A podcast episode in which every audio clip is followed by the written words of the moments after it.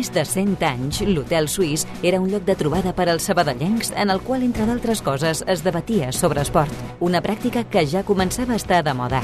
Un segle després, continuem amb aquell esperit històric d'una ciutat estretament vinculada a l'esport.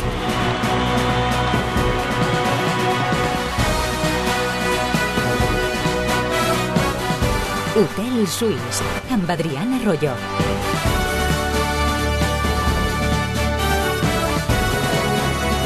Què tal com esteu?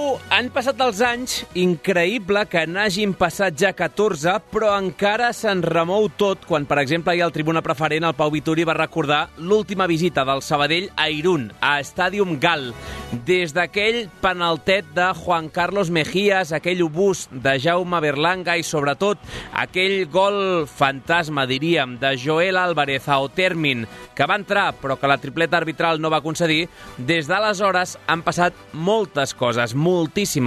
Però com a mínim un servidor, cada cop que he passat a prop d'Irun, cada vegada que he vist alguna cosa del Real Unión, sempre és una imatge que tinc molt, molt clavada encara. A veure, durant 14 anys no ens hem tornat a creuar amb l'equip fronterer fins ara i després que ja marxessin de la nova Creu Alta amb el mateix marcador que en aquella eliminatòria 0 a 1, ara toca visitar-los a terres irundarres. Queda bastant per davant, però avui ens permetreu que furguem una miqueta en la ferida i que recordem aquell fatídic dia a Stadium Gal fins i tot amb l'àrbitre, perquè sí, aquest matí hem pogut parlar amb ell, amb Ortiz Blanco. Ja us aviso que d'entrada, i com era molt de preveure, no el tindrem en antena, però sí que hem pogut xerrar uns minutets amb el madrileny tant i tant temps després. Tot l'esport de la ciutat, d'una a dues a l'Hotel Suís de Ràdio Sabadell. A les vies de so un programa més del Toni González. Què passa fora de l'hotel en un minut? Alexia Putelles ha revalidat per segon any consecutiu el Premi de Best. La jugadora formada en el seu dia al Sabadell és la primera que guanya dues edicions consecutives d'aquest guardó. En l'apartat masculí, Leo Messi succeeix Lewandowski. Ahir tancava jornada de primera divisió el Villarreal 2, Getafe 1, remuntant el gol inicial d'Enes Unal. A segona, Granada 1, Màlaga 0, amb un gol al minut 90. I, per cert, LeBron James s'ha lesionat al peu dret en el moment decisiu de la temporada pels Lakers. La l'Ale Pivot podria estar-s'hi unes setmanes fora de combat quan els de Los Angeles s'estan jugant a entrar als play-in. James té una mitjana enguany propera als 30 punts per partit. És dimarts, és l'últim dia del mes de febrer i tenim tot això.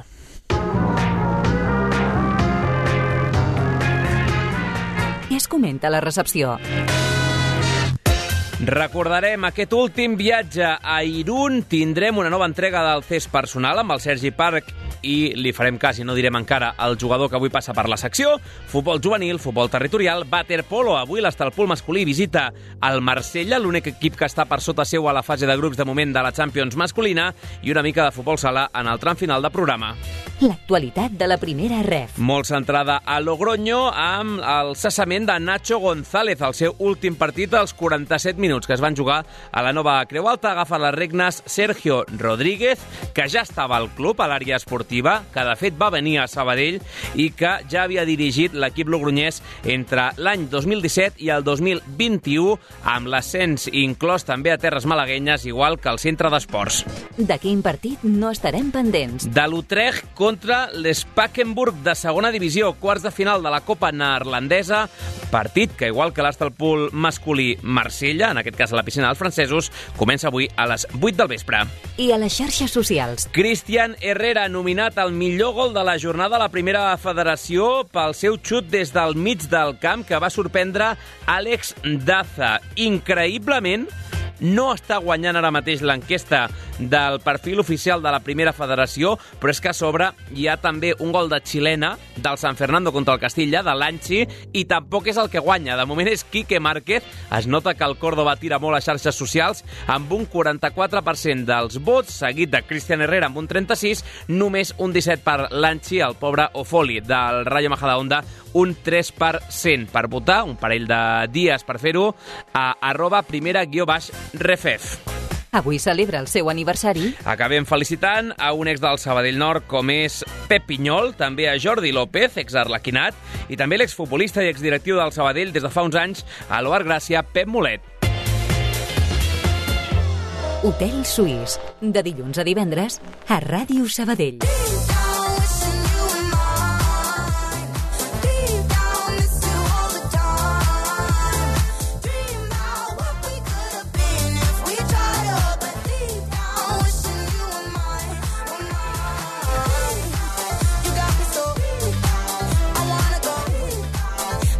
Som-hi, va, anem de cara a barraca. Sergi Garcés, què tal, com estàs? Bona tarda. Últim dia del mes de febrer, dia avui tranquil·let, eh? Avui dia de descans per la plantilla arlequinada abans de visitar uh, Estadi Ungal, uh, l'estadi, no sé si tu sabies la curiositat, més proper a l'estranger que hi ha en territori espanyol, només 300 metres amb la frontera de França. Sí, home, eh, no, no sabia la dada, me la, pu- me la puc imaginar, sabent com és una mica la situació geogràfica de d'Irun i on és la situació geogràfica també del propi estadi, la veritat és que diria que entre l'estadi i França, a part d'un pont, hi ha una benzinera, i poc més. A partir d'aquí hi ha la nada, que podria dir algú que no se me'n fa dir cap francès.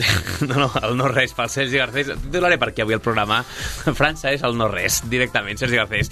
Uh, pendents, uh, et sembla normal, per cert, que el gol de Cristian Herrera no sigui, ja no el de la temporada, el gol de la jornada, primera federació ara mateix? Em sorprèn, però em sorprèn també eh, que no sigui la xilena de, del L'Ansi, Fernando. no? És que la veritat és que és molt bona la rematada. És cert que el mèrit que té Cristian Herrera és eh, molt important per tota la situació i per totes les circumstàncies que envolten el gol, però la xilena, al tanto, que és bastant... és molt espectacular, eh? Mira, ara, per exemple, acabo de veure que fa un minut en Rebote Martínez, el dibuixant, eh, sabadellenc, amb arrels andaluses i rubinenques, eh, penja una imatge del dibuixet de Cristian Herrera, ben trobat, la veritat, diu fent història des del mig del camp, al Sabadell. O sigui, aquí el podeu trobar també a, a Twitter. Uh, més enllà d'això, uh, algú preguntava a través de xarxes socials home, hi ha hagut una destitució a la banqueta de la U de Logroñés, Nacho González ja no Què és l'entrenador. caigut ja, Nacho? Sí, sí, ja, no et facis el Jo li despistat. hagués donat una, un parell més de partits. De fet, Arribar als 5 mesos hagués estat molt bé. Eh, és un dia convuls realment a la U de Logroñés perquè anunciaven avui també eh, que ha mort la dona de Félix Revuelta, Luisa Rodríguez. Això ja no és tan graciós, evidentment. No, no, evidentment. I, la, i, i mare a la vegada del vicepresident de la U de Logroñés, del fill de Félix Revuelta, Kilian Revuelta. Eh, per tant, en qüestió d'unes hores, destitució de Nacho González, agafa les regnes Sergio Rodríguez. Recordem que és Logroñés, que en el seu dia havia jugat al Logroñés, que agafa les regnes de l'equip al 2017 i que l'acaba duent a segona divisió, i igual que el Sabadell amb Antonio Hidalgo, li dona tota la temporada de marge, està lluitant fins a l'última jornada, i tant l'un com l'altre, igual que van pujar la següent temporada, van acabar tornant del futbol professional a la tercera màxima categoria, doncs torna a agafar les regnes ara, ja va venir aquí la nova Creu Alta, insisteixo, eh, i agafant una mica allà on ho havíem deixat abans. La gent preguntava, home, això es pot fer it. Sense cap mena de problema, només faltaria. Home, només faltaria que s'haguessin de menjar un entrenador amb el qual ja no hi compten o no hi creuen perquè el partit ha quedat ajornat. Ah, queda en aquest cas. I, i Sergio Rodríguez serà l'encarregat de dirigir l'equip aquest, eh, aquests 43 minuts i escaig el dia que, que s'acabi de, de decidir. Serà ell el responsable de dirigir ja des de la banqueta, com dius tu, una, una feina que té per la mà, que, que coneix bé i que, més, eh, ell ha format part de la configuració també d'aquesta plantilla. Per tant, no li caldrà molt bagatge o molt rodatge a l'hora de eh, saber amb quins jugadors eh, hi compta i no hi compta, perquè els ha de conèixer a la perfecció després d'estar formant part d'aquesta àrea esportiva de la Unió Deportiva Logroñés. No hi ha novetats, no? Si no em dius el contrari. No, avui, com deies al principi, dia de descans eh, al Centre d'Esport Sabadell eh, i a les oficines, tot i que podia haver passat, eh, no consta tampoc que hi hagi cap novetat al, al respecte. De dos fronts oberts, no oblidem eh, que tenim també pendent en què passa amb el famós expedient obert a Miqui Lledó per aquelles declaracions d'ara fa 10 dies aproximadament al nou Pepico Amat eh, i per altra banda doncs, eh, aquest acord per saber quina és la data escollida perquè s'acabin jugant aquests minuts que queden pendents de, del partit davant el conjunt de la Rioja. Hi havia fins i tot ahir al Tribunal Preferent qui especulava amb la possibilitat d'aprofitar algun viatge de la U de Logroñés aquí a Catalunya. Això seria estirar-ho una mica bastant, al calendari. Bé, uh, hi ha aquella data que em sembla que cau per Setmana Santa, no?, aproximadament. És una mica la, la data que hi ha perquè, eh, si no vaig errat, han d'anar a Tarragona i podria ser una, una, bona, da, una bona data, evidentment. Uh, això sí, obliga a moure algun horari més, eh? Que això també ho avançàvem, o com a ho deixàvem caure, més que avançar, ho deixàvem caure el mateix diumenge en el postpartit, aquell postpartit tan estrany que va haver-hi, uh, ja ho deixàvem caure, que segurament el que pugui provocar que el partit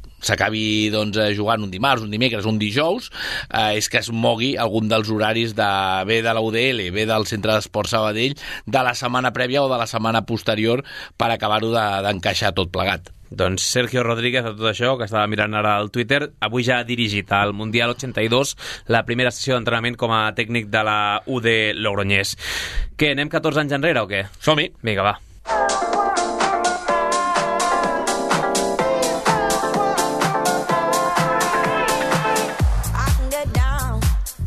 Perquè diumenge a les 12 el centre d'esports torna a Estàdium Gal i hi ha uns quants precedents, ja en parlarem segurament divendres, fins i tot hi ha un d'espectacular amb uh, Emery, l'avi d'Unai, i també l'avi de l'actual eh, president del Real Unión com a porter de l'equip fronterer empatant 5 a 5 contra el Sabadell allà a terres irundarres, guipuscoanes, però ens centrem en l'últim precedent, que aquest el tenim jo crec que massa fresc encara, massa recent, o ens cou encara massa i això que dos anys després vam ascendir.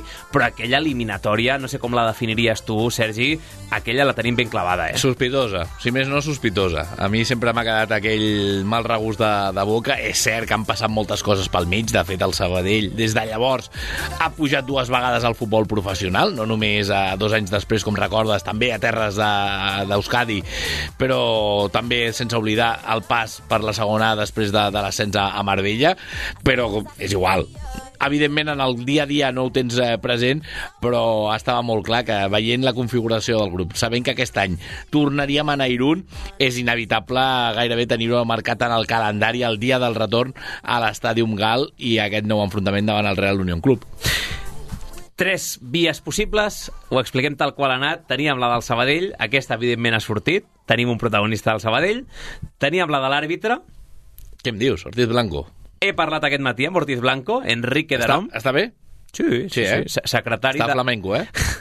Home, no sé, una conversa agradable, també t'ho dic, eh? No, segur. No l'he apretat massa, bona, també. Bona persona, segur. Eh, no, ho desconec perquè no el conec, he xerrat 5 minuts amb ell al telèfon avui. Persona. Secretari del Comitè Tècnic d'Àrbitres de Madrid, des de fa molt de temps vinculat al comitè perquè anteriorment havia estat el director tècnic amb l'anterior junta i ha declinat entrar al programa eh, o, o sorpresa, també t'ho he de dir, eren plenament conscients que seria un impossible, eh, precisament eh, aduint això, que és secretari del comitè tècnic i que no fa declaracions. Per tant, hem intentat... Sí, els àrbitres no parlen i els secretaris de, dels comitès tampoc parlen. La proposta ha estat, ja que en aquell moment com a àrbitre, evidentment, no vas parlar, què et sembla si em dius el teu pare en el programa i no ha volgut eh, parlar.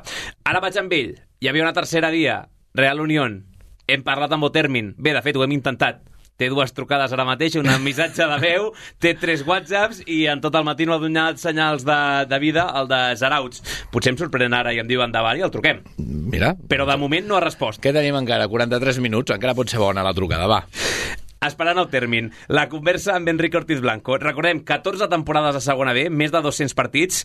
Li, li preguntava, home, tu has fet 7 promocions de, de 14. Em diu, no, 11 perquè vosaltres només compteu les de la part alta, però les eh, promocions de descens, els play-out, també compten per nosaltres per jugar-nos a ascendir. Per tant, en 14 anys, 11 promocions d'ascens, no va ascendir mai. No riguis per sota el nas, no va arribar a ascendir. Un únic precedent amb el Sabadell, aquell Stadium Gal, aquell famós 1 a 1 amb el gol de Jaume Berlanga. Uh, D'entrada, li deia, hem parlat molt del partit com a tal. Per tu què va suposar? I, en certa manera, vincula el partit i tot l'enrenou que hi va haver amb la decisió final de no pujar, sent un àrbitre que per coeficient estava en aquesta lluita cada any per poder ascendir de categoria i estar al futbol professional. Si va tenir el mateix càstig que el Sabadell, no pujar, no? Sí, correcte, podríem Ah, entendre-ho així, sí. Que el seu peatge o el seu càstig va ser que no va ascendir per aquell partit. I el seu premi? Uh, No, no en sabem, no? No, no, no. Si va tenir algun premi. no sé si vols- tornem a trucar al comitè que a veure tenir, què, però- Va tenir un càstig que era aquest, però potser havia tingut premi. Ho desconec no, no, absolutament eh? i no n'hem parlat, també dic. La jugada del gol, va, anem al, al marro. Uh, que encara avui té dubtes de si aquella pilota va entrar o no, veient les imatges de televisió repetides, que no ho té del tot clar, Si no ha millorat la vista. que en tot cas seria cosa de l'assistent. Sí. Això és evident. a- això és evident, Això és això és evident. evident. Uh, que amb el VAR no hauria passat això, com li he recordat, a Primera Federació tampoc el tenim, o sigui que Sí. sí. ara mateix si tornés a passar el Podria mateix... passar. Podria passar una altra vegada. I com a última frase, que ara mateix faria exactament el mateix que va fer aquell dia perquè té la consciència tranquil·la. No, no, home, és que a veure, si ell està convençut de que no ho veu clar, només faltaria que ara digués no, no veig clar si entra o no entra, però ara donaria el gol. Llavors sí que seria per, eh, si se'm permet l'expressió, per empapelar-lo. Però està clar que si ell no veu que la pilota entra, que és ell, i a l'assistent, sobretot, els que no ho veuen, jo crec que la resta d'humans sí que ens dona per veure que aquella pilota traspassa la línia, però és igual, eh, està bé que continuï mantenint-se ferm amb la seva decisió, home, això l'honra. eh, sent sincers, tampoc li he tret l'altra jugada que per mi és més determinant encara. Aquesta l'és perquè era l'1-2, era la remuntada, però tot eh, comença amb un penaltet que allò sí que no hi ha per on agafar-ho segons el meu parer, de Juan Carlos Mejías només començar el partit, que és el que et condiciona el 0 a 1 de l'anada més l'1 a 0, que després acaba remuntant el Sabadell amb aquest gol fantasma. No n'hem parlat d'aquesta, però sí una última frase, evidentment ha al·lucinat quan ha rebut una trucada avui al comitè de Ràdio Sabadell i quan li hem explicat que tornaríem per primera vegada a Stadium Gal, ha dit doncs no tenia ni idea que hi havia un Real Unión Sabadell, però estaré pendent del partit. Uh, per un moment m'he espantat. Pensava No, que vindré, no, i vindré, no, no, no. i vindré allà a fer la sacada d'honor No, home, que no. encara m'estimen a, a crec, Irún. crec que és de Luche, és madrileny, segur, i per tant està, insisteixo, com a secretari del Comitè Tècnic d'Àrbitres de, de Madrid, ha decidit, està en tot el seu dret, només faltaria declinar uh, l'entrevista i insistim amb el, amb el tema una conversa agradable, normal, distesa amb l'àrbitre. Anem amb la lectura sabadellenca, Que, que, que, ha que sortit. quedi clar que tot el que he dit és, és ironia, que no li perdono el que va fer, però que és ironia tota la... Aquesta part també està dins del sac de la ironia, o no? No, no, no, no, no jo, jo, a veure, jo no li perdono aquella decisió, però, però que està, evidentment, tot és part de, de la broma de, de l'espectacle. no només uh, per la conversa que hem tingut avui, però jo la... T'ha guanyat ja, eh? No, no, Sí, no, veig no, que no, no, veig- no. veig que t'ha guanyat, No, sí, m'ha guanyat, se no. t'escapa el riure i t'ha guanyat. I, i, home, li, Ets facilón. li, li, acabo de fotre el pal pel penal de, de Juan Carlos Mejías, o sigui que... Però poc pal. Ah, poc. Ara és el teu, a partir d'ara serà el teu amic. Eh, sí, clar, ara, eh, quan anem a Madrid, quina llàstima que no hem d'anar a Madrid aquest any, Mira, si no tens encara eh, el, el, el, València, Madrid. trucaríem. Bueno, el comences a trucaríem. tenir amics repartits per... Quina mala bava. Uh, el que et deia, que jo l'allibero de la càrrega del gol. Jo, per mi, és de l'assistent 100%. Del gol fantasma és de l'assistent 100%. 80-20. Uh, per mi més. I la imatge, home, jo el que no li compro és que veient la repetida encara té dubtes. Jo veig els peus d'Autermin a la línia, el cos dins de la porteria i la treu de dins. O sigui que això sí que no li compro. Però vaja, Ortiz Blanco, Autermin, que vaig a mirar el WhatsApp, no fos cas, no, no ha respost encara. Anem amb la vessant de Sabadell, va.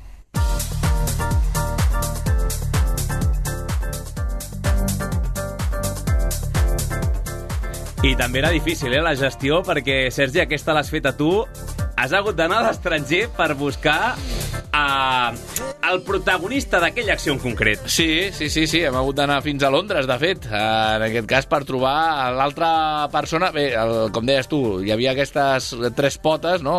El porter que la treu de dins, l'àrbitre que no la veu dins i el jugador que la va posar dins, encara que el gol no va pujar al marcador, que és Joel Álvarez, en aquest cas, l'exdavanter del centre d'esport Sabadell, el de Juneda, el lleidatà, que, com diem, la vida l'ha portat ara per altres derroteros professionals, ara mateix es troba sent mestre d'educació física al Regne Unit, per temes familiars i professionals eh, està assentat completament al Regne Unit, i amb ell hem pogut parlar una miqueta de tot, perquè, evidentment, era l'altra cara visible d'aquella acció, sobretot determinant en aquell moment per aquella eliminatòria d'ascens a, a segona. Doncs anem a escoltar-lo d'entrada, eh, dient que per ell, de totes totes, impossible oblidar el que va passar. Bona pregunta, el que em deia si, si, si, si havia passat pàgina. Pues, la veritat que, que, que mai s'acaba de passar pàgina, però almenys per mi. Eh? És, és un record que, que sempre que, que em ve pues, encara, encara hi penso i, i la veritat, no, no, no, no va acabar mai de, de, de passar pàgina no? I, i clar, de pensar que, que hagués passat si, si aquell gol hagués pujat, hagués pujat al, al marcador. Ortiz Blanco, convençut encara dia d'avui que no entra del tot. Joel, evidentment, que sí que entra. Eh, N'heu parlat també una mica d'això, eh? Sí, hem parlat de tot una mica i, evidentment, eh, ens hem recreat molt en aquesta part de, de la jugada, de, de l'eliminatòria en si, de què podia haver passat, això que deia ara el Joel, no? també de què hagués succeït si aquell gol hagués pujat al marcador. Un exentrenador del Sabadell d'aquell moment, un tal Ramon Moya, sempre deia que aquell partit és impossible que el Sabell l'hagués guanyat, que si ens haguessin donat a l'1-2 hagués passat alguna no. cosa estranya més que ho hagués acabat de rematar. No va acabar comissaria de miracle aquell dia. Bé, sí, correcte, sí, sí. Uh, en aquest cas no sortirem de dubtes. Sí, eh, li o se, li, se li ha preguntat si entén eh, el possible per què de la decisió, si creu que va ser un tema ambiental, del moment, de, de, de, de, de tot el que envoltava, de si també era una decisió fàcil, el fet de no donar el gol enmig de tot aquell ambient ambient que es va viure aquell dia a, a l'estadi Galda d'Irun. Amb el pas del temps, ha arribat alguna conclusió del perquè de la decisió? Doncs això és el que diu Joel al moment del partit, clar, eh, no entens eh, la decisió que va prendre l'àrbitre, o la voldries saber, entendre, o saber el que li va passar pel cap, si realment va veure o no, però clar, és molt difícil, no? Sí que és veritat que mirat en perspectiva, pues, pots entendre millor, perquè pues clar, era un partit on jugàvem a fora amb tota la pressió d'un playoff i tal com anar el partit, que estàvem a punt de remuntar, pues bueno, mirat des de fora sembla no, que, va, que va prendre la, la decisió més, més fàcil, no? Però bueno, de fet, el que et dic, clar, és una cosa que no sabrem mai perquè això només ho sap ell, no? Uh, tot això bé, perquè recordem, només cal googlejar Cifuentes Real Unión i t'apareix d'aquells dies previs a la eliminatoria contra el Sabadell, el Real Unión niega cualquier tipo de implicación, eh, el Cádiz desvela un intento de compra por perder contra el Real Unión, Diari As i el Sabadell també denuncia un intento de compra del Real Unión, o sigui que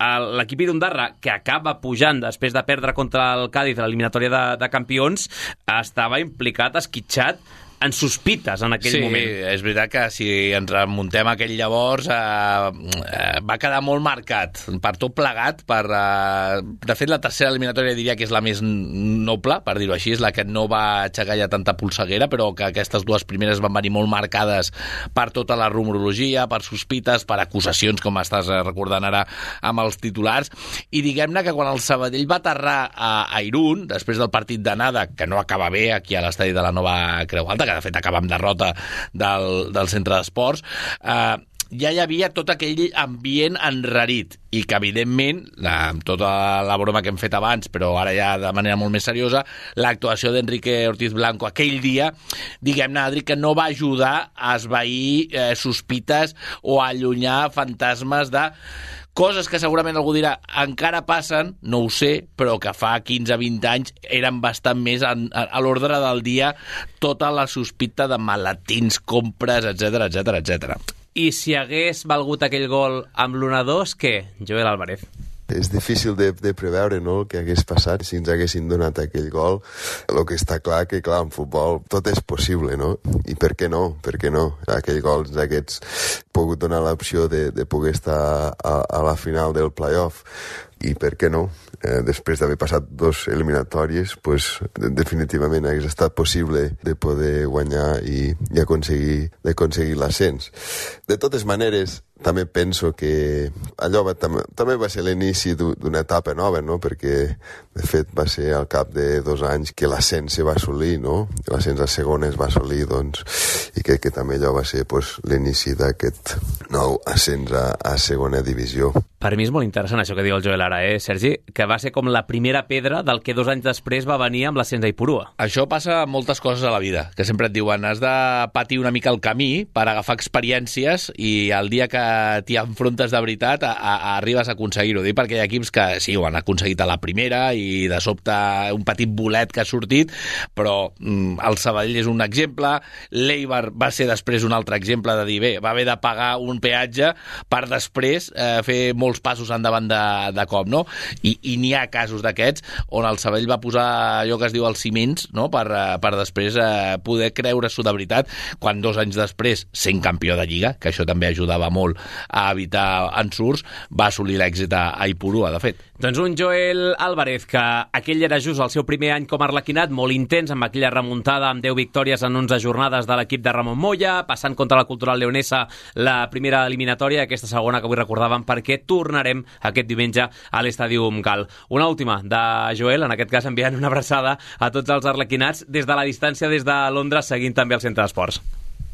Ja fa uns anys que estic instal·lat aquí a Londres, al UK, però bé, no, encara mantinc, encara segueixo l'actualitat de, del futbol català i del, de la Lliga Espanyola, sobretot per la ràdio i, i per internet.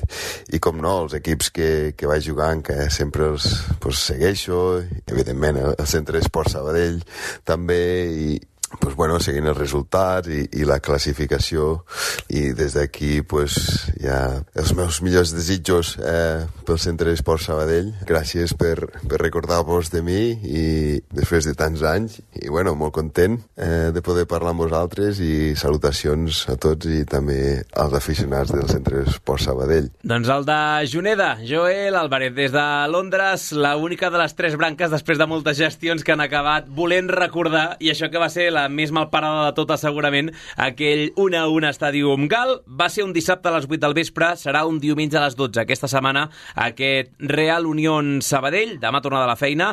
Per cert, eh, aquí hi ha un tema també una mica curiós, recuperem a Alberto de la seva sanció, que té a mig complir encara, també. Sí, li queden eh, 43 minuts i escaig per complir, però en canvi, com dius, estarà a disposició de Miqui Lladó barra Gerard Bufill pel partit d'aquest eh, diumenge al migdia, des de mitja hora abans de la sintonia de Ràdio Sabadell, aquesta nova jornada i aquest retrobament amb l'Estadi Gal de tots plegats i amb el Real Unión de manera particular pel Sabadell. Un Alberto que està percebut, per cert, té quatre grogues, la llista és llarga, amb Carrion, que veurem si pot reaparèixer després de dues setmanes fora de combat pel tall que va patir al genoll, amb Morgado, amb Bastals i amb Moja Keita a una de la suspensió.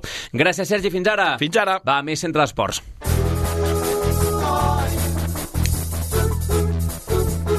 Test personal.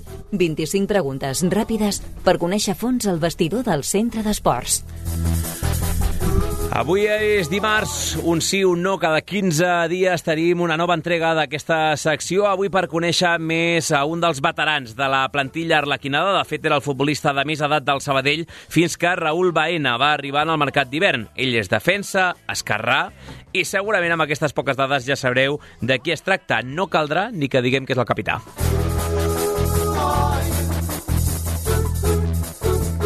César Morgado Ortega, bienvenido a la sección del CES Personal. Hola, muchas gracias, ¿qué tal?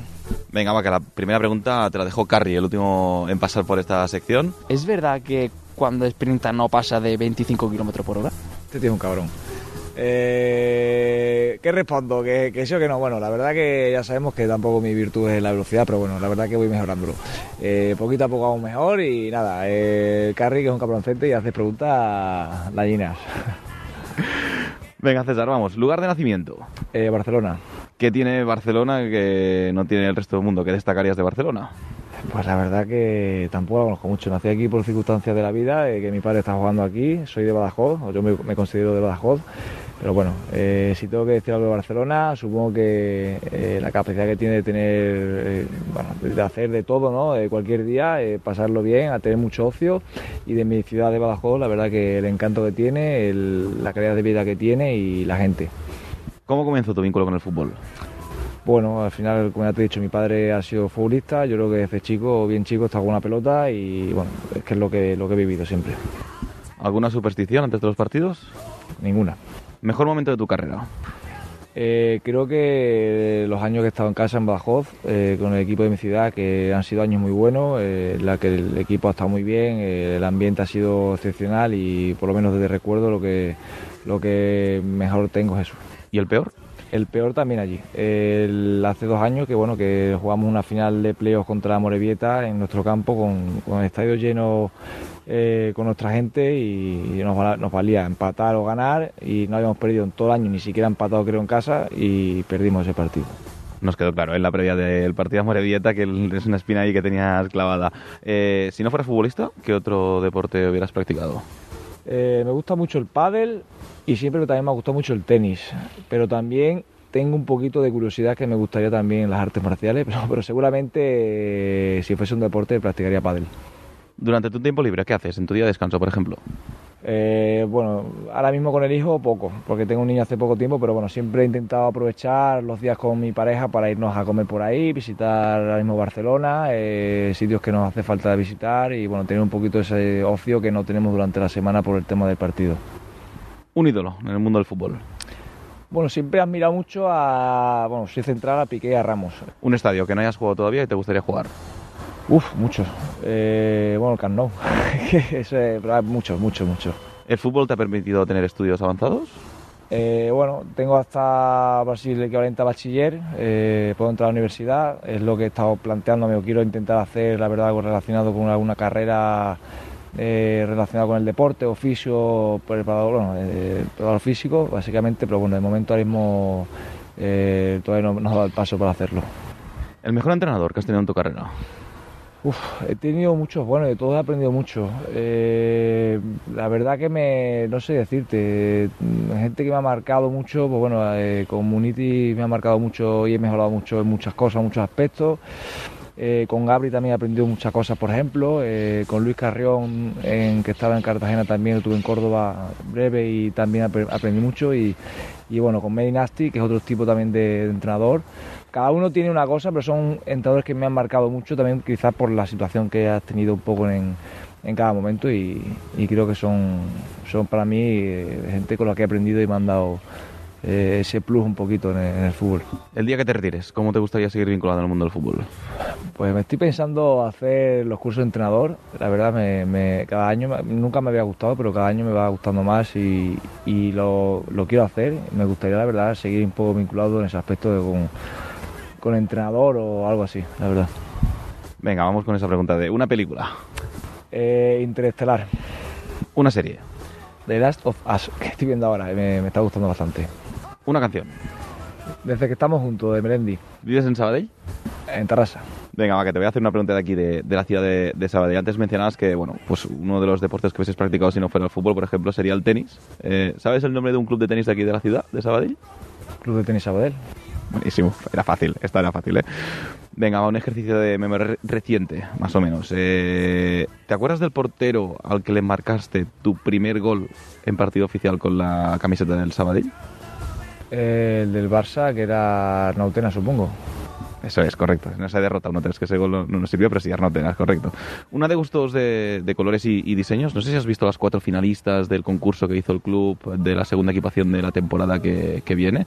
Pero bueno, te las enseño ahora a ver cuál, cuál elegirías de, de las cuatro. Venga, Con la opción tercera, la negra y amarilla. bonita, bonita.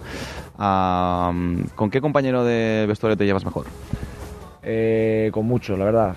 Si tengo que destacar alguno, quizás con Carry, porque bueno, somos vecinos y estoy todo, mucho más tiempo con él. Venga, te vamos a dejar hacer la pregunta puñetera al siguiente que va a pasar, pero antes te voy a hacer yo una a ti, antes de, de terminar el cuestionario. Eh, Última jornada de liga. Es en casa contra Osasuna Promesas. Imagínate que os estáis jugando la salvación en ese partido. Esperemos que no, que ya estéis salvados. Y la noche anterior, tu mujer tiene un compromiso y te quedas solo con, con el peque. ¿Qué haces? A. Dejas al niño con algún otro familiar porque tienes que descansar, evidentemente. B. Le dices a tu pareja que, que tenga su compromiso en casa, que se quede aquí, que tú tienes que descansar. O C. Aguantas sin dormir porque en otras ocasiones pues no te ha dado mal rendimiento tampoco eso de no dormir mucho. A ver, eh, mi novia, si si hay esa situación, eh, estoy seguro que no tendría ningún compromiso, porque sabes lo que lo importante que es los partidos, incluso aunque sea un partido menos importante. Ya puesto en escena, eh, me la como y me duermo menos y es lo que hay ya durante el día. Si todo, o sea, bueno, si el partido es por la tarde, pues intentaría dormir más por el día, pero hombre, es que si, te- si no voy a dejar el niño, es que no tengo nadie aquí. O sea, me tendría que comer marrón. No me quedaría otra. El partido sería por la tarde seguro, bueno, si no esperemos en esa situación.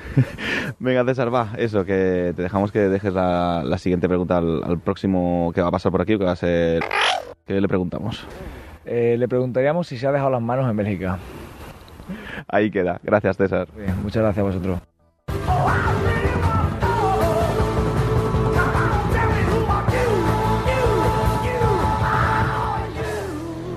Home, és fàcil de preveure. D'aquí a 15 dies aquesta nova secció del CES personal amb el Sergi Parc i avui coneixent, descobrint una mica més aquesta relació amb Carrion de veïnatge, no només de companys de vestidor i amb algun que altre d'art enverinat entre tots dos. Anem a parlar de futbol formatiu. You know també relacionat amb el centre d'esports i en aquest cas amb el seu empat al camp d'un equip de la zona baixa de la divisió d'honor juvenil, com era el Nàstic de Tarragona. Repassa l'actualitat dels juvenils el nostre estudiant en pràctiques, Raül Medina. Els arlequinats no van passar de l'empat a una a Pobla. Un gol d'Ian Martínez, al 17, va avançar als arlequinats, però a l'inici de la segona part, el gimnàstic va signar la igualada. Els jugadors d'Edu San José es van topar amb el mur defensiu tarragoní i no van poder posar-se per davant en el marcador una altra vegada. El golejador Ian Martínez explica les claus del resultat. Hi ha hagut molts partits que a nivell de joc, ja que som un equip que intentem proposar i en, en molts partits ens trobem còmodes i, i juguem la pilota, però sí que és veritat que, que aquest punt de, a millor contundència a les àrees, tant al, a l'arribar com a la nostra, doncs fa que, que no acabem de marcar o que a vegades encaixem que no, no hem d'encaixar i, i que els resultats no siguin del tot el que ens mereixem. El Sabadell és de ser amb 26 punts. El grup 7 de la Lliga Nacional el Mercantil va aconseguir la victòria contra el Martinenc per 2 a 0 i es manté així a la part alta de la classificació. L'equip de Marc Xalabarder va dominar el partit, però li va faltar efectivitat per guanyar amb més contundència encara. En parla Àlex Monera jugador mercantilista. Nosaltres tenim molt gol, som el segon equip més, més golejador, l'únic que, bueno, que el porter va influir, vam tindre dos pals i a vegades algun partit no t'entren, però ja et dic, crec que l'equip està molt bé i els, i els jugadors d'atac que tenim són molt bons i, i ens donen moltes opcions de cara al final. Amb aquest triomf, l'equip gracienc es col·loca quart. A la mateixa categoria, el juvenil B del Sabadell va assolir el triomf davant el Cerdanyola per 1 a 2. Els de Conra Garcia van començar perdent al minut 27, però un gol abans del descans de Pau Fernández i un altre d'Izan Otero al 64 van donar la victòria. L'autor del primer gol, Pau Fernández, remarca l'evolució de l'equip aquest 2023. Vam començar el 2023 molt bé, amb quatre victòries consecutives, i després ens va tocar el Barça, que òbviament és un rival molt complicat allà a casa seva, que vam poder treure un punt, i després sí que és veritat que el Nàstic eh, vam tenir un partit difícil on ens van guanyar. I clar, aquesta setmana sí que veníem amb, sí, com tu dius, amb l'ànsia de, de tornar aquest, aquests tres punts, de tornar a aconseguir aquests tres punts i bueno, són tres punts que ens donen un, un aire molt important i ens separen de la zona de baixa i ja ens, ens apropen molt més a la zona alta. El juvenil del Sabadell rebrà el Mallorca dissabte a dos quarts de cinc, mentre que a la Nacional hi haurà derbi. El Sabadell B i el Mercantil s'enfronten diumenge a les 4 en Olímpia.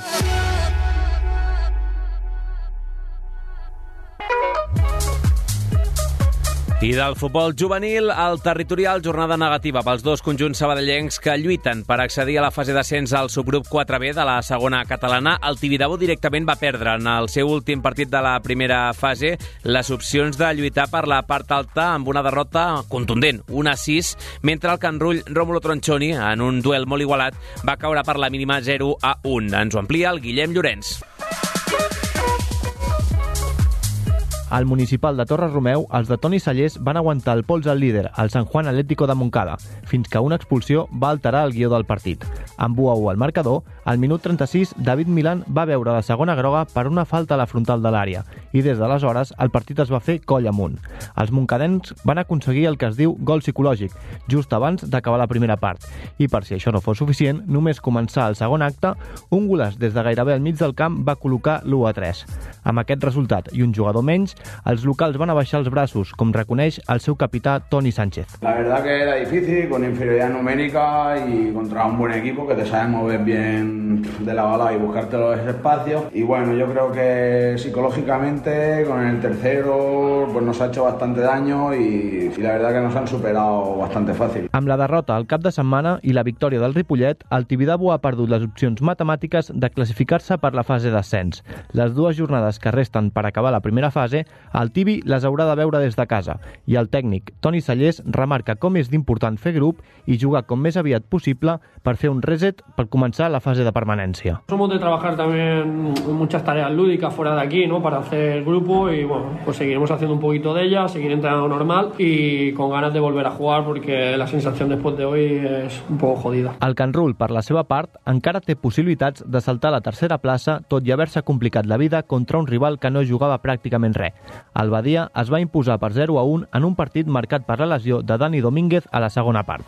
En una acció que va acabar en penal per als locals, el jugador del Can Rull va fracturar-se la clavícula en una mala caiguda. El partit va quedar aturat fins que l'ambulància no va traslladar el lesionat a l'hospital. Quan es va reprendre l'acció, 40 minuts després, els de José García Numoski van errar el penal i ja en el temps afegit, els badiencs van aconseguir el gol de la victòria. Yuri Granado, porter del Can Rull, lamenta no haver estat capaços de transformar alguna de les ocasions generades. Nosotros tuvimos muchas, muchas ocasiones, ¿no? Tanto ellos como nosotros. Tuvimos la segunda parte del penalti, que bueno, chutábamos, fallamos, ¿no? Y, y bueno, la tira ahí pues, pues fue un poco el partido a, a remolque, ¿no? Porque ellos tuvieron muchas ocasiones, nosotros tuvimos dos o tres claras también, que al final no, no conseguimos meter. Ara mateix, els de la zona oest són quarts a 4 punts del tercer, el Ripollet, i la setmana que ve visiten el segon classificat, el Montcada, que precisament ha caigut aquesta jornada davant el mateix conjunt ripolletenc. Granado, passi el que passi, està satisfet amb el treball de l'equip durant la temporada i encara confia en assolir l'objectiu, tot i quedar només dues jornades. Creo que llevamos un año espectacular y nos lo paramos a pensar ¿no? al principio. Nadie habría apostado por nosotros de que estuviéramos ahí. La verdad que, que lo hemos demostrado, ¿no? Que hemos, que hemos podido estar peleando por, por estar entre, entre los tres primeros y, y creo que tenemos que seguir. Per tancar el bloc de segona catalana, després de la jornada de descans, torna la competició per al Sabadell Nord, que s'enfrontarà a casa en un duel directe a la zona baixa contra el Natació Terrassa.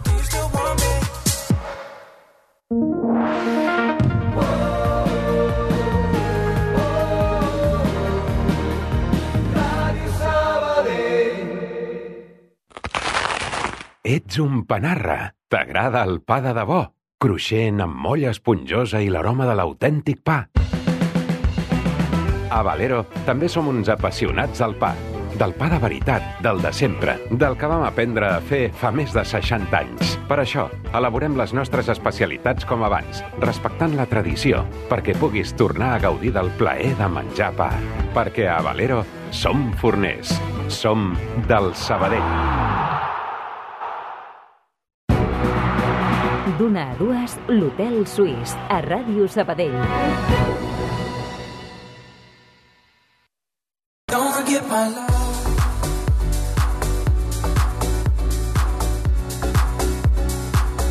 Un minut per sobre de tres quarts de dues en directe aquí a l'Hotel Suís, després de conèixer ahir, com dèiem, que Can Llong acollirà la final de 4 de la Champions femenina. Avui és el torn de la masculina. Pau Vituri, què tal, com estàs? Hola, Adri, bon dia. L'Estalpol Natació Sabadell, que busca la que seria la seva segona victòria a la fase de grups d'aquesta màxima competició continental a la piscina de l'únic rival al qual ha estat capaç de guanyar l'equip de Quim Colet fins ara. Sí, el Marsella. Va ser cosa d'un mes i poc, a finals del mes de gener, a la Finet Work Aquatics, per 13 a 11, i una victòria que va servir també per abandonar aquest fanalet vermell. Tots dos, però, ocupen les dues últimes posicions del grup B, empatats a 4 punts, a 7 de la quarta plaça, que té el Juk Dubrovnik, ara mateix, i que seria l'última que donaria accés a la final a 8, aquesta Final 8 de la competició.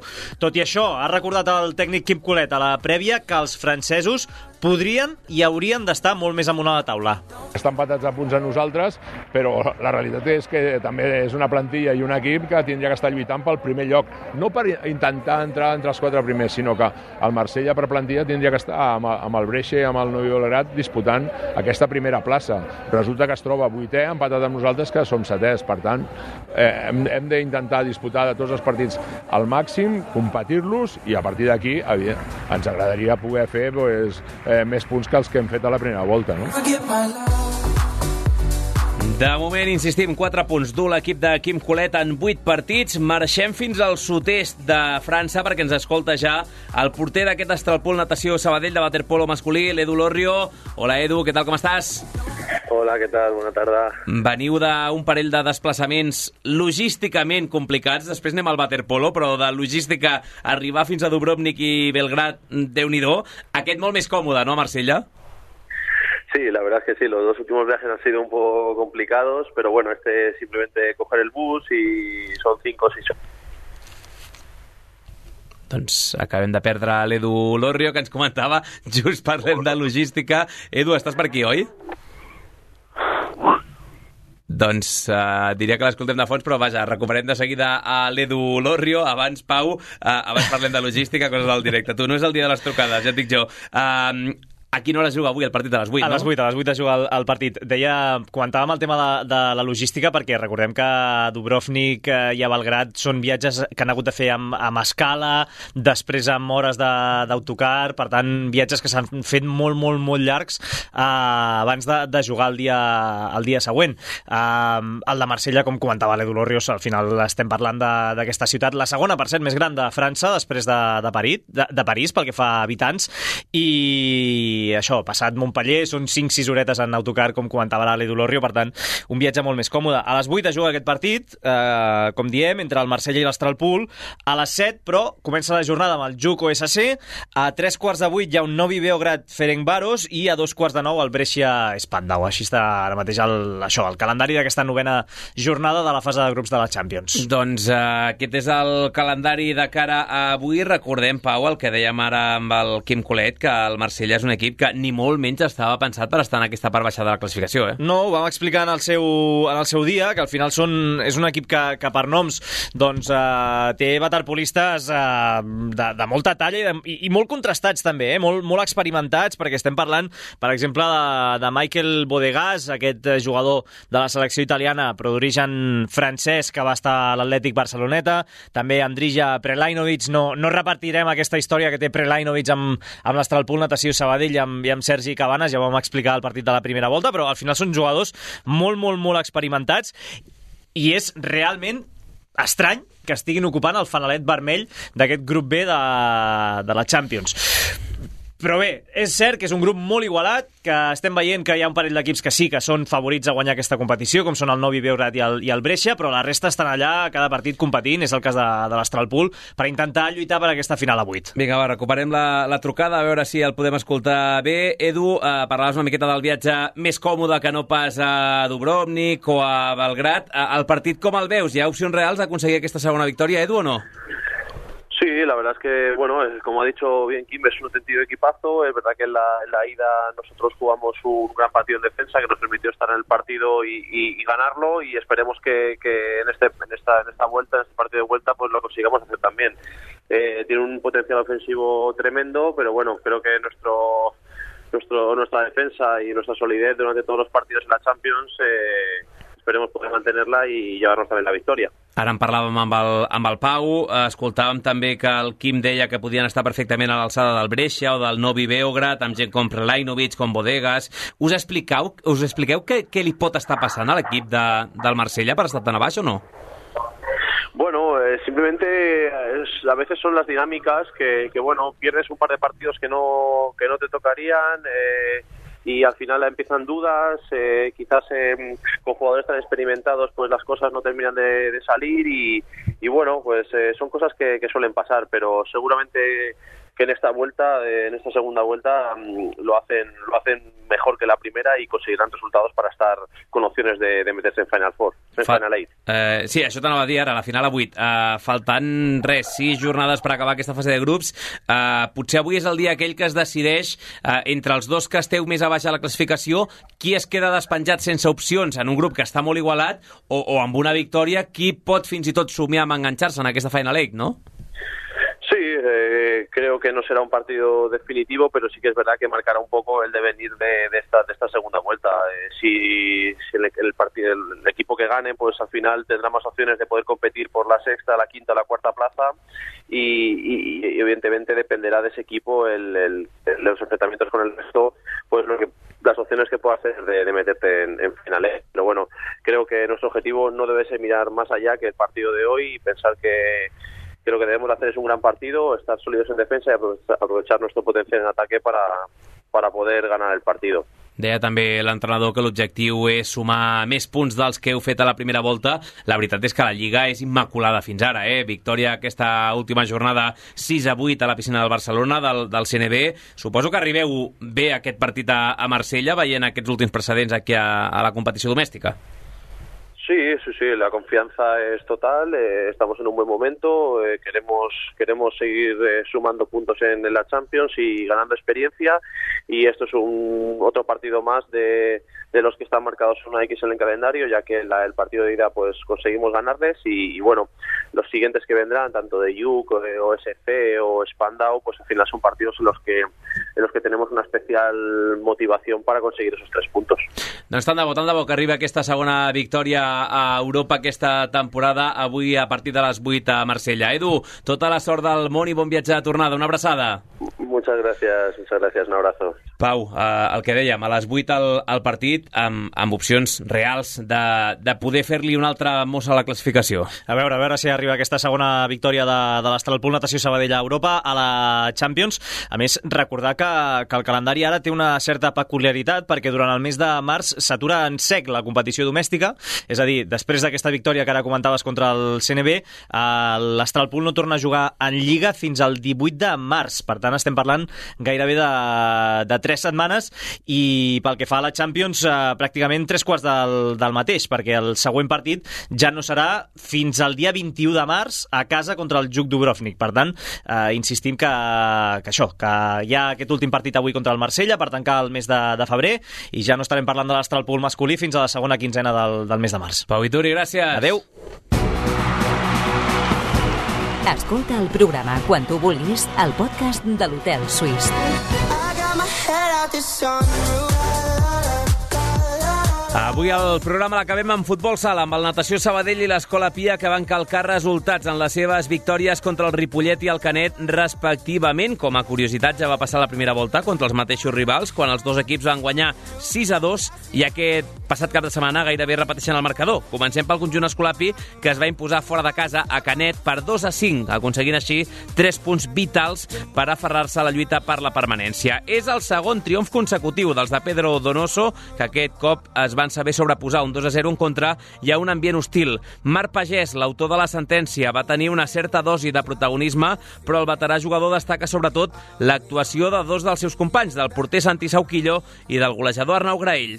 El 2 a 5, exacte, sí, sí. No, no, però com dius, el protagonista per mi n'hi ha dos. Un és el Santi, eh, que va fer un partidàs eh, tant en defensa parant pilotes com d'assistent, que també va fer l'assistència a mi, i una altra assistència a l'Arnau. L'Arnau va fer tres gols, que per mi és l'altre protagonista, no?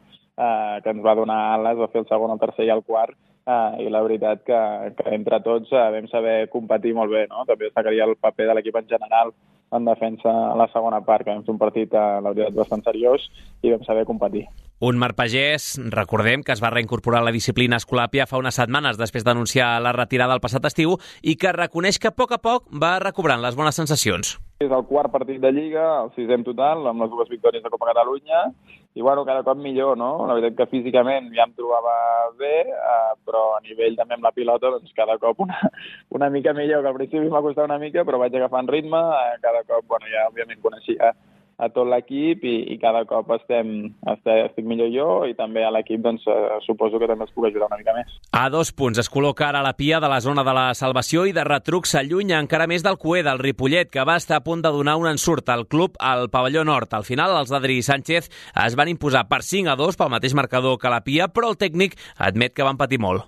Ens ha costat molt perquè Ripollet proposava un partit lent, al final tenen pocs jugadors, ho fan molt bé, el que passa és que um, els ha costat una mica arribar al final del partit i nosaltres hem canviat una mica les situacions perquè al principi estàvem jugant 3-1, posant molta bola a pivot, no ens estava sortint, el partit era molt lent i ho hem canviat i hem decidit jugar amb el pivot sortint i hem intentat posar més circulació a la pilota i al final ens ha sortit. Però bueno, sí, es podria haver caigut per qualsevol banda. De l'1-0 es va passar l'1-2 i després de l'espectacular 2-2 marcat per Marc Hermosel de Rabona, el Ripollet se la va jugar amb porter jugador i el club no va perdonar quan va poder robar la pilota. Sánchez, qui prefereix anar amb peus de plom, malgrat ser cinquens ara mateix, creu que la victòria el servirà per eliminar un rival, diu que és directe. Al final era el més important, endur-se els 3 punts, eh, també perquè és un rival que primer hem de mirar una mica mantenir la categoria i al final també deixes molt tocat a un rival que és, que és directe ara mateix i després salvem la categoria, veurem quins objectius ens plantegem, però ara mateix és un rival directe i, i era molt, molt, molt, molt important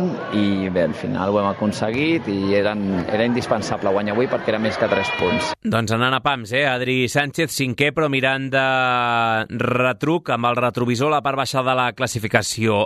El Natació Sabadell, ara mateix a 4 punts dels llocs de play-off, però mirant la zona baixa per confirmar primer la permanència i somiar en fites més ambicioses.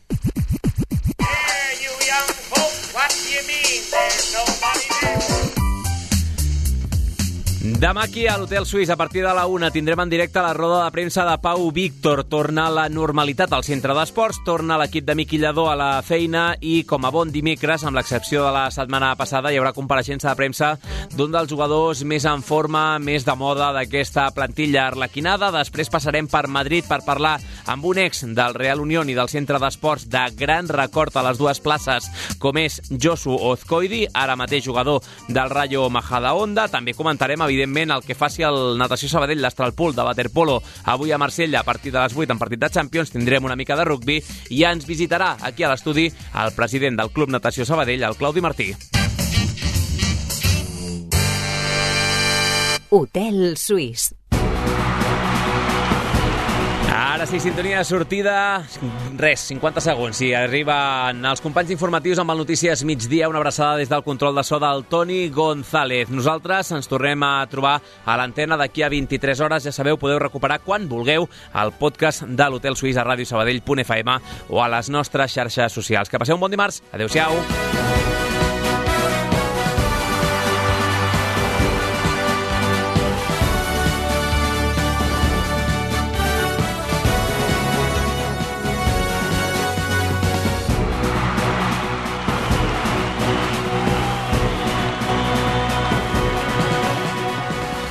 Tot l'esport de la ciutat, d'una a dues a l'Hotel Suís de Ràdio Sabadell.